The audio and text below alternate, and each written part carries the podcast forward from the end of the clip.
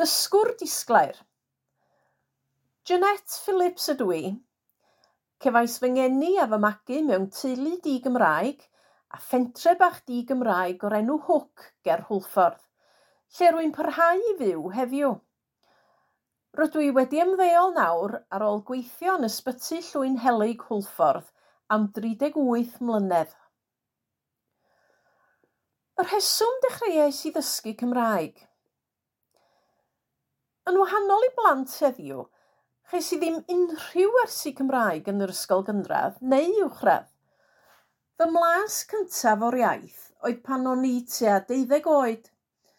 Gofynodd un o'r athrawon i mi ymuno â chor Cymraeg ar gyfer cyngerdd nadolig yr ysgol. Doeddwn i ddim yn disgwyl y byddai canu yn y Gymraeg yn cael cymaint o effaith arnaf. Roedd y geiriau'n swnio mor hudolus – ac roedd y profiad cyntaf hwnnw wedi aros gyda fi. Pryd bynnag y clywais yr iaith yn cael ei siarad ar y stryd neu ar y teledu, roedd o'n bob amser yn dymuno y gallwn siarad Cymraeg. I fod yn onest, roeddwn i wir yn meddwl bod gwneud hynny yn hollol tu hwnt i fy nghyreiddiad. Rhyw ddeugain mlynedd o ddiweddarach, trwy fy ngwaith, ces gyfle i ddysgu Cymraeg.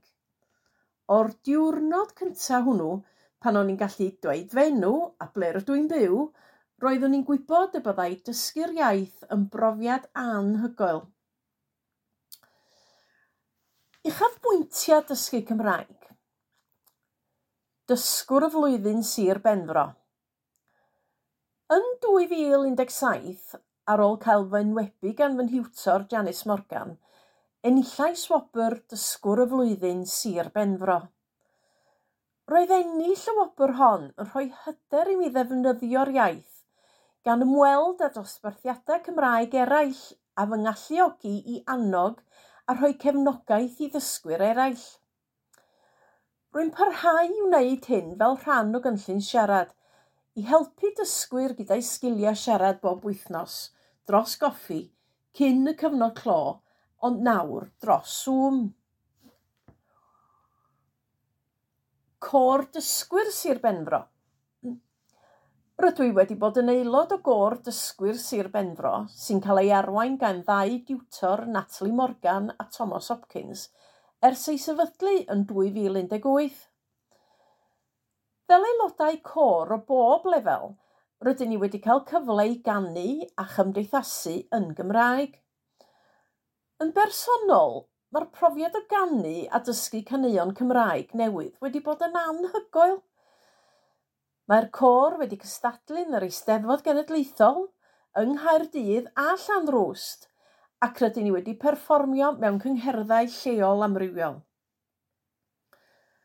Y Pinnacle yn 2019 oedd pan wnaethon ni gymryd rhan yn rhaglen deledu Corau Rhys Meirion.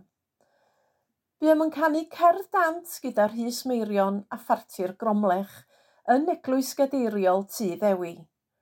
Roedd yn brofiad byth gofiadwy. Y gobaith yw y bydd y côr yn gallu ail ddechrau ymarferion wyneb yn wyneb yn 2022. Merched o awr. Yr ydw i wedi bod yn aelod yng Nghangen Hwlffordd am ddeg mlynedd. Roedd ymuno â'r mudiad yn gam pwysig yn fy nhaith o ddysgu. Mae wedi bod yn gyfle i glywed a defnyddio'r iaith y tu allan i'r dosbarth mewn amgylchedd mwy naturiol. Ar hyn o bryd, mae yna bum aelod sy'n dysgu Cymraeg, ac mae pawb mor gefnogol a chymwynasgar. Ers 2019, dwi wedi bod yn ysgrifennydd ac fel dysgwr mae rôl wedi bod yn eitha heriol yn enwedig yn ystod y cyfnod clo.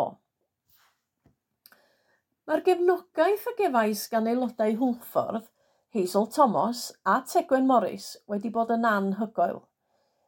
Nes i rioed feddwl y byddwn ni fyth yn cymryd y rôl.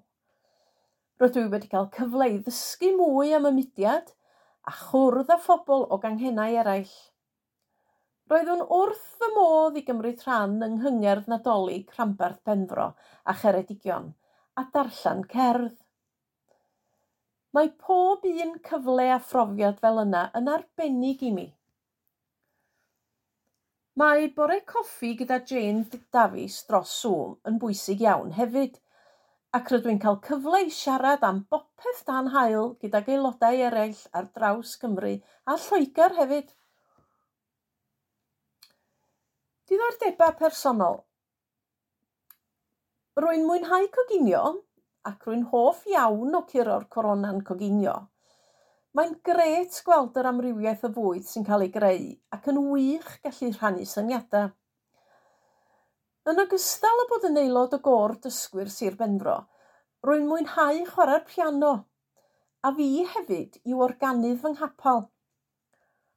Ers dysgu Cymraeg, Rwyf wedi gallu mwynhau darllen llyfrau Cymraeg. Rydw i'n mwynhau hunan gofiannau a nofelau, ac ar hyn o bryd rwy'n ceisio mynd i'r afael a barddoniaeth. Casgliadau Mae fy siwrna o ddysgu Cymraeg yn parhau gyda gwersi wythnosol. Mae e wedi agor llawer o ddrysau newydd i mi, mae wedi rhoi llawer o gyfleoedd i mi, ac rydw i wedi cwrdd â phobl hyfryd. Mae wedi bod yn heriol ar brydiau, ond dwi ddim wedi dyfaru fy mhenderfyniad i ddysgu'r iaith.